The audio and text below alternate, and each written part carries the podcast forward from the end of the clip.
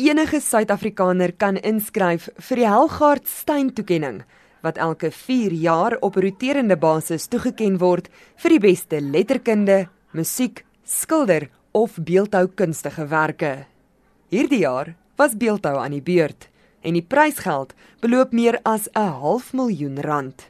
Beoordelaars besluit watter kunswerk wat in die 4 voorafgaande jare geskep en toeganklik is vir die publiek na hulle mening die mees uitstaande is. Angus Taylor het die jaar koning gekry met sy handewerk wat meer as 'n jaar geneem het om te voltooi. Dit is 'n sittende figuur. As hy sit, is hy 4.2 meter lank, as hy staan, is hy 8.5 gemaak uit uh, Belfast graniet of is eintlik 'n gabbro, ons gevolg van sy minerale. Maar in die volksmond noem ons dit Belfast graniet.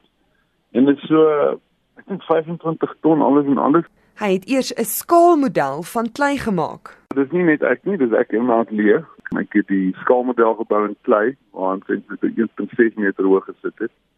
En dan van dit af digitaal en met die hand opgeskaal na die klei op waar hy nou 4.2 meter hoog sit.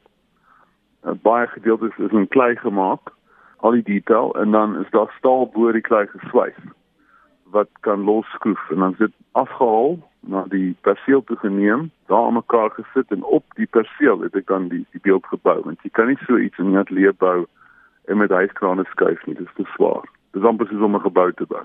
Hy sê 'n kunstenaar se bedoeling met dit wat hy skep is vir hom baie belangrik. Wil jy goeie werk maak, wil jy werk maak wat polities praat met almal, wil jy toekennings wen, wil jy geld maak, wat jou bedoeling ook al is.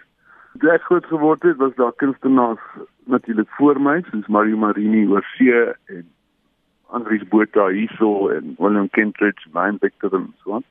En ek het gekyk na die werk want ek het dit baie geniet.